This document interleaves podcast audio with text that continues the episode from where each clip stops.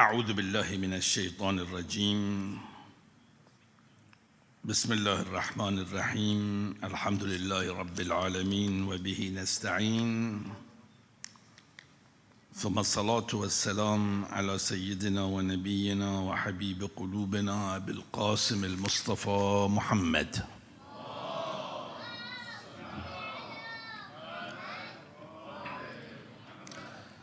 صلى الله عليه وعلى أهل بيته الطيبين الطاهرين المعصومين الهداة المهديين سيما على بقية الله وحجته في الأراضين. أرواحنا لتراب مقدمه الفداء واللعن الدائم على أعدائهم من الآن إلى قيام يوم الدين. ما معمولا وقتی که اسم ائمه علیهم السلام میاریم.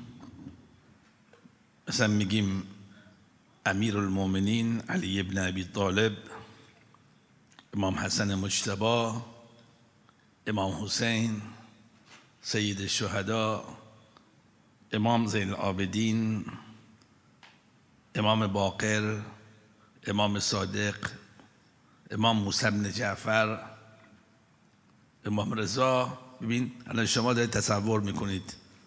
امام جواد تو ذهنمون هر کدام با یک درجه ارزیابی می‌کنیم. تا میگیم امام حسین یه حس خاصی داری وقتی می‌رسی به امام جواد امام هادی امام عسکری همچی شل میشه می‌رسی به امام زمان باز یک ف...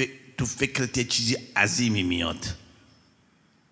این دلیل برای اینه که ما شناخت نسبت به ائمه علیهم السلام نداریم.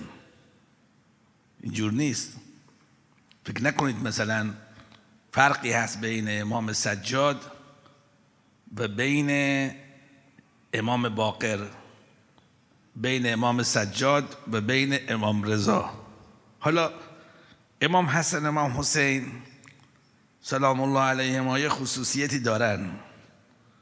علی هم خصوصیت خودشو داره. امام زمان هم خصوصیت خودش داره. کلی خصوصیت فضل نیست ها.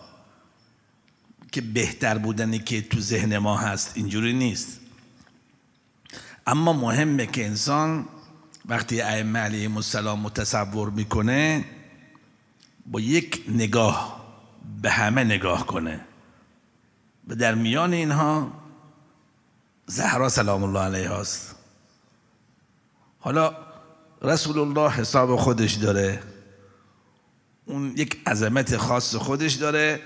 اما از این به بعد سیزده معصوم وقتی بهشون توجه می‌کنیم تو ذهن اونها تعظیمشون که می‌کنیم باید یه کاری کنیم که همشونو در یک سطح بدونیم. کلنا نور واحد این مطلب در زیارت جامعه اومده. عزیزان حتما زیارت جامعه کبیره رو یه بار با دقت بخونید. شما که عربی بلدید مشکل ندارید که ترجمه هم که نمی‌خواد. بس یه جا میگه که اشهد ان نورکم و طینتکم واحده طابت و طهرت بعضها من بعض. ببین یکیه. نور شما یکیه طینتتون یکیه. طابت و طهرت بعضها من بعض. بعد میگه که البته خلقكم الله انوارا این خلقكم الله انوارا فجعلكم بعرشه محدقین. تمیز داشتید. این رضاست. این سجاده. این نقیه. این تقیه. این عسکریه. ببین اینجور بوده ها نه که نیست. خلقكم الله انوارا فجعلكم بعرشه محدقين. حتى من الله علينا بكم فجعلكم في بيوت. حالا اومدن تو بیوت توی بیوت که اومدن هر کدام یک تجلیان یه مظهرن خداوند ظاهره اینا مظهرن مظهر خدا. نگاه که بهشون می‌کنی همه صفاتشون هست ها یعنی همه صفات امام حسین سلام الله علیه تو امام زین العابدین هست. هیچ فرقی بین امام حسین و امام زین العابدین نیست اصلا ها هیچی. شجاعتش قدرتش معرفتش همه ها. اینو باید بدونیم ما. اگه غیر از این باشه ما امام نشناختیم. نگی بیمار بوده نگی هیچ کار نکرده نگی ضعیف بوده شجاعترینه. امام زین شجاعترینه ها. حالا توضیح میدم براتون. حالا وقتی که توی میدون اومدن بسته به این میمونه که چه نوری اونجا وجود داشت و چه ظلمتی. من این مثال براتون ذکر بکنم. یک بلور یه شیشه. شیشه ای که ازلاع زیادی داشته باشه. قطعه شیشه مثل یک در در رو دیدید؟ بزرگ. شما اصلا نور نباشه هیچی. نور نباشه هیچ نمی‌بینی. تأثیر در او که نداره. خودش اون بلور هست. اون یاقوت هست. اون مرجان هست. هرچی هست. مشکل تو این نوریه که اینجا از ظلمته. تاریکه. حالا اگر نور قرمز زدی فقط این میشه یک قطعه قرمز. این ظاهر میشه. چیزی دیگه ظاهر نمیشه. همه چی توش هست تا اونه که بروز پیدا می‌کنه فقط رنگ قرمزه. امام رضا سلام الله علیه بروز پیدا کرد. چون رفت خراسان شد مظهر رعفت خدا رحمت خدا حسن شد. محل حرکت جیش المهدی شد. این, این مگه امام امام جواد جور نبود؟ اونم اینجور بود. ولی تو این دنیا تو این دنیا که اومدن اینها زمینه بروز صفاتشون نبود. مشکل مشکل ماست نه مشکل امامه. بگیم امام جواد کوچک کوچک بزرگ نداره. قرآن میگه یوقد من شجرت مبارکه زیتون لا شرقیه ولا غربیه. نیاز به کمک نداره. یکاد و زیتها یضی ولو لم تمسس هنار خودش میجوشه اصلا. امامه. رضا امام زین العابدین علم میجوشید. زینب بهش میگه حرف نزن زیاد. می‌فهمن اینا که تو امامی میکشنت. تو بسیر شام ای مسئله می‌گفتن چی؟ چیزی می‌خواست بگه. اینا موندن توش وقتی گفت انا ابن مکه و منا انا ابن ز... چی داره میگه؟ خیلی هم به اصطلاح تقیه کرد ها خیلی تقیه کرد. میاد نسبت میده به علی زین العابدین. نمیگه من زین العابدینم.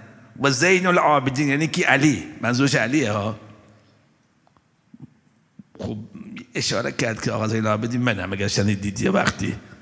خیلی با سیاست صحبت کرد. یکاد و زیتو هایوزی اینجوریه. حالا من چی می‌خوام بگم؟ پس توجه داشته باشیم فکر نکنیم. تا میگیم امام زین العابدین تو ذهنشون ما بچه که بودیم اینجوری تو ذهنون برده بودن. متاسفانه. امام زین العابدین مثلا مریض ضعیف اینا بدونید. اگه این کارو بکنید مشکله ها. تو, تو ذهنت حواست باشه. امام زین العابدین علی تو ذهنت بیاد. امام رضا بیاد. امام حسین بیاد. همون شجاعت امام حسین داره. شما می‌دونید امام زین العابدین تنهایی توی واقعه حره. شنیدید واقعه حره؟ حمله کرد یزید به مدینه قتل عام کرد. مسجد پیغمبر پر از خون شد. تنهایی دفاع کرد از زن بچه مروان. یعنی شما حساب کن. مردم دیگه زن بچه هاشون رو می تو خونه امام زین العابدین که ازشون حفظ حفظشون کنه. تیراندازی می‌کرد نتونست کسی نزدیک خونش بشه. امام زین العابدین بعد از قضیه کربلاست. پس وقتی میگی زین العابدین فکرت نیاد کسی فقط داره نماز می‌خونه و سجاد سجده می‌کنه و دیگه همین تو این عالمه و دعا داره می‌خونه. نه این تو ذهن نیاد ها. من اینو می‌خوام بگم. پس چه تو ذهنم بیاد؟ امام حسین بیاد. هذا ابن قتال العرب. حمله های حسین تو ذهنت بیاد اینجوری. شما می‌دونید زیدیه که در یمن هستن؟ اینها چجور فکر می‌کنن؟ میگن امام باید قیام کنه. قیام نکنه امام نیست. خب حالا کی امامه؟ میگه امام امام حسینه. امام حسنه. امیر المومنینه بعض امام حسین که میگه امام حسین العابدینه. میگه چرا میگه قیام کرد؟ این قیام کرده ها بدونن خودشون. بعدش کیه؟ بعدش زید ابن علیه. اه چرا اونجا رفت؟ میگن امام باقر حرکت نکرد. نفهمیشون ها. الان خیلیشون رو عوض شدن. خیلیشون عوض شدن. پس امام زین العابدین سلام الله علیه فکر نکنید یک شخص ضعیفیه. متاسفانه حتی در نمایش و فیلم و اینا یه آدم ضعیفی می‌ذارن. قد بلند. دیدید دیگه؟ اصلا دستش اینها نه اینجور نیست. تا حالا. یه چند سباهی مریض شد. اونم برای که حفظ بشه محفوظ بمونه. چون اگر مریض نمی‌شد میکشتنش. میجنگید میکشتنش. حتی نه جنگه میکشتن. مریض شد و البته بازم با اینکه مریض بود هم می‌خواستن بکشنش. چون اسمش علی بود. اسمش که علی بود گفت بکشنش چرا؟ چون احتمال داره یه امام باشه. می‌دونستن بعد از امام حسین او امامی که می‌خواد بیاد اسمش چیه؟ علیه. بوده هرچه علیه بکشید. اصلا من برداشتم اینه که علی ازغر رو که برد امام حسین سلام الله علیه تحویل داد و تعریفش هم کرد ها. تعریفش کرد. گفت این کیه؟ این کیه؟ حالا مرحوم دمستانی میگه و دع الاقوام یا الله من خطب فظیع نبئوني أأنا المذنب أم هذا الرضيع لاحظوه فعليه شبه الهاد الشفيع. لا يكن شافعكم خصما لكم في النشأتين. اشبه الناس بود. من جور برداشتمه می‌خواست بهشون بگه شما وقت امام بکشید؟ موقعیت امام بعد از من نباشه؟ خب احتمال بدید این امامه. بکشید که یکی سالم بمونه اصل سالم بمونه. علی اکبر. علی اصغر دوتاشون فدای امام زین العابدین شدن. ببین چقدر عظمت داره امام زین العابدین اصلا وجودش اساسه. اگر قصه امام زین العابدین نبود چه بسا اهل بیت نمی برد طرف کربلا. زینب هم نمی برد. زینب یک مسئولیت داشت. حفظ امام زین العابدین یعنی حفظ مهدی. یعنی حفظ هدف انبیا. ببین چقدر عظمت داره. تو زنت نیاد امام زین العابدین مریض بوده از اول تا آخر مریض مریض. الانم برای مریض ها که می‌خوان دعا کنن البته خوب انسان. یاد مریضی امام زین العابدین تو لحظه بیفته وقتی دعا می‌کنه. امشب هم به نام یک عاشق حضرت زهرا همسر آقا جلال حاجیه که محمد خدا انشالله شفاش بده و شفای همه مرزا بده. دعا کنیم براش دعا برای همه کنیم. خوب اینجوری. اما تو ذهنت نه امام زین العابدین همیشه مریض بوده. از کردم تو واقعی حره جنگید. حتی بعضی میگن تو کربلا جنگید. حالا این یه قولیه ها. بعض بعضی از علما شنیدم حرکت که بس امام امام حسین قبول نکرد گو برگرد تو باید بمونی. لذا ائمه علیهم السلام اگر از او بالا نگاه کنی کلنا نور واحد. من این مثال براتون ذکر بکنم صلواتی خط کنید.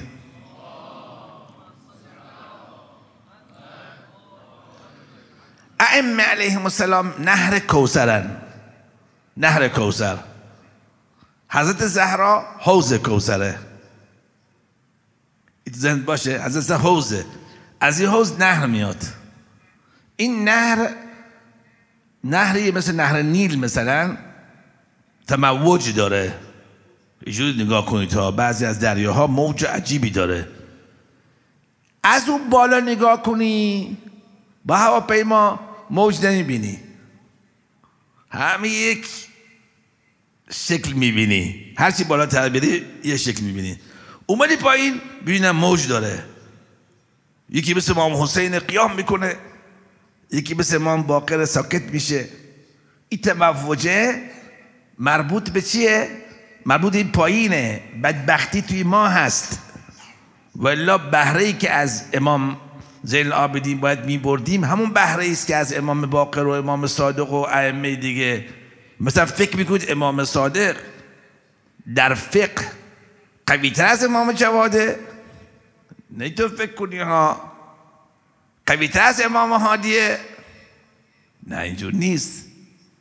لذا شیعه واقعی عارف کسی است که وقتی سامر را زیارت می‌کنه نگاهش نگاه زیارت کازمین باشه. آه. نه رد بشه بره بگه حالا خب یه روز کافیه. نه آقا. اگه می‌شد میمونم من اینجا میمونم. بقی فرق نکنه بین بقی پیشش با جای دیگه. امام حسین سلام الله علیه حساب دیگه داره. زیارتش. یه بحث دیگه است. بحث شعار و بحث ثار الله و اینهاست. اما از نظر دید دارم میگم ما و من تاکید می‌کنم دیدمون باید درست کنیم. یعنی رؤیه نظره نگاهمون باید درست کنیم. این نگاه اگر درست بشه همه چی درسته. رو این اساس امام زین العابدین سلام الله علیه باید بشناسیم. یک کسی کتاب نوشته اینو مطالعه کنید. این دوست ماست. خدا حفظش کنه. سید محمد رضا جلالی. ما توی حجره بودیم با هم توی نجف. محقق بزرگی ها. کتاب نوشته جهاد امام زین العابدین. جهادش. خیلی عجیبه. اصلا نقشه های جهادی اینا رو میگه. شما کافیه دعای اهل ثغور بخون. همین دعای صحیبه سجادیه. تو تعجب می‌کنی. خدا چی داره میگه؟ دعای اهل ثغور خیلی عجیبه. دعای مکارم الاخلاق بخون. امام زین العابدین سلام الله علیه بشناس دعای راجع پیغمبر بخون دعاهایی که در صحیفه سجادیه هست اینا خیلی عجیبن دقیقا همونطور که حضرت امام توضیح دادن قرآنه ولی قرآن ساعد قرآن نازل داریم و قرآن چی؟ ساعد این بعد علمی امام زین العابدین سلام الله علیه کمی از فقه نداره ها. فکر نکنید.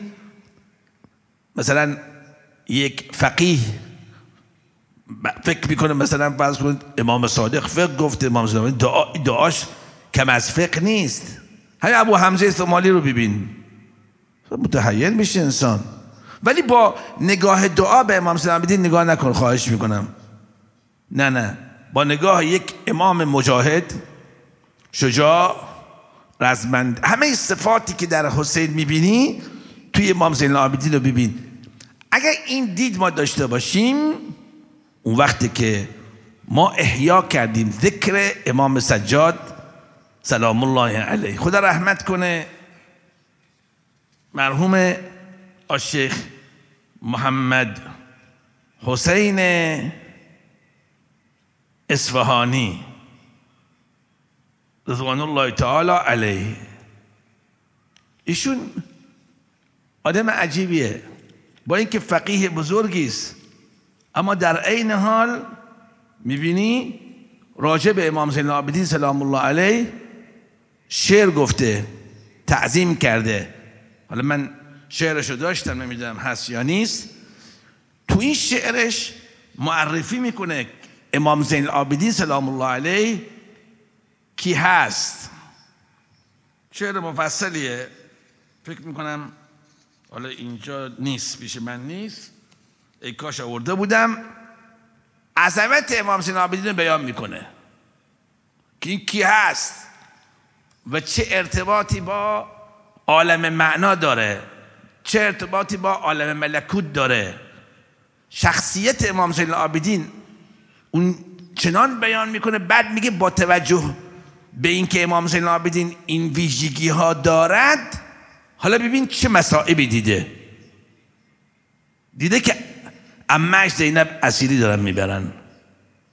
دیده که امام حسین رو قطعه قطعه کردن. دیده که انگشت بریده حسین افتاده اون طرف دید خودش برداشت آورد. یا زهرا. بعد میگه بدتر از همه شام دید. صحنه های شام دید. و می‌دونید مصائب امام زین العابدین سلام الله علیه اونقدر زیاده. فکر نمی کنم هیچ یک از ائمه علیهم السلام اینجوری مصیبت دیده باشن. چون همه صحنه ها را دیده کامل. مخصوصا صحنه شام. وقتی وارد شام می‌کنن بدترین صحنه این کجاست؟ یه عده میان آدمای جاهل آدمای نفهم میان میگن که خدا را شکر که خداوند شما را نابود کرد. اینجوری میگن. ما راحت شدیم از شما ها بفرما. برون خارجی. امام زین العابدین سلام الله علیه بهش میگه امام سجاد اما قرأت القرآن؟ تو قرآن خوندی نخوندی؟ گفت خوندم قرآن چه به شما داره؟ ببین قال أما قرأت قوله تعالى قل لا أسألكم عليه اجرا إلا المودة في القربى گفت بله گفت والله نحن ذوی قربى رسول الله. جدی بگی آره آیا خوندی إنما یرید الله لیذهب عنکم الرجس أهل البیت و یطهرکم تطهیرا میگی بله چه ربطی به شما داره مگه شما کی هستید وقتی معرفی میکنه خودش طرف فوری برمیگرده و میکشنش. وی صحنه سخت شام کجاست؟ اونجایی که اینها از باب ساعه وارد می‌کنن. اهل بیتو خدا صحابی پیغمبر رو گذاشته اونجا. سهل ساعدی. صحابی پیغمبره. یه جا منحاله یه جا سهل ساعدیه یه جا جابره اینا همش حجتن ها بعد به سهل میگه سهل بیا اینجا. بی واقعا صحابی پیغمبر.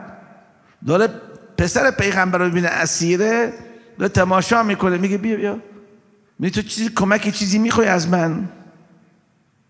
بفرما. می کمک؟ من دو کمک می‌خوام. اولش اینه که یه پارچه بیاری این زنجیر قول زنجیر در من خیلی اثر کرده. یه پارچه بیاری که من زیر این زنجیرها بذارم که کمی راحت شم اذیت نشم. که این آثارش اونقدر اثر کرده بود که در حال غسل دیده شد ها. ببین چقدر مصیبت سختیه. دومش اینه که این سرها را بگید به این کسی که حمل کرده این سرها یه مقدار از ما فاصله بگیرن. چون مردم نگاه به این سرها می‌کنن نگاه به بچه های پیغمبر می‌کنن. خیلی ناراحت بود امام زین العابدین سلام الله علیه. همینطور مصیبت پشت سر مصیبت. تا دیگه مثل امشب واقعا از هم و غم دنیا راحت شد. سلام علیه. یوم ولد و یوم استشهد و یوم یبعث حیا. من یه توصیه می‌کنم به شما عزیزان جوونا. یک کنزی هست. این مفقوده محجوره. دو تا کنز محجوره ها. نمی‌دونم چی شده که اینا محجورن. یکیش نهج البلاغه یکی صحیفه سجادیه. صحیفه سجادیه. تلاش کنید تو هیئت مخصوصا صحیفه بخونید. صحیفه دعاهای صحیفه. خیلی مهمه. من توی هیئتی بودم. تو قم هر هفته جلسه دارن اول یکی دعاهای صحیفه می‌خونه. نمی‌دونم چه سری هست. هر کس هم صحیفه رو میاره تو میدون مثل که موفق نمیشه. مثل خدا نمی‌خواد هر کسی نزدیک این صحیفه بشه. بذار ما پیش قدم بشیم تا بدونید چقدر امام زین العابدین عظمت داره. خدایا توفیق معرفت پیروی از امام سجاد سلام الله علیه به همه ما عنایت. بفرما منتظریم انشاءالله از مداهای اهل بیت. مداهی کنن و عشق بریزیم و گریه کنیم. انشاءالله به امید اینکه هممون کجا باشیم؟ تو کربلا اربعین صلوات کنید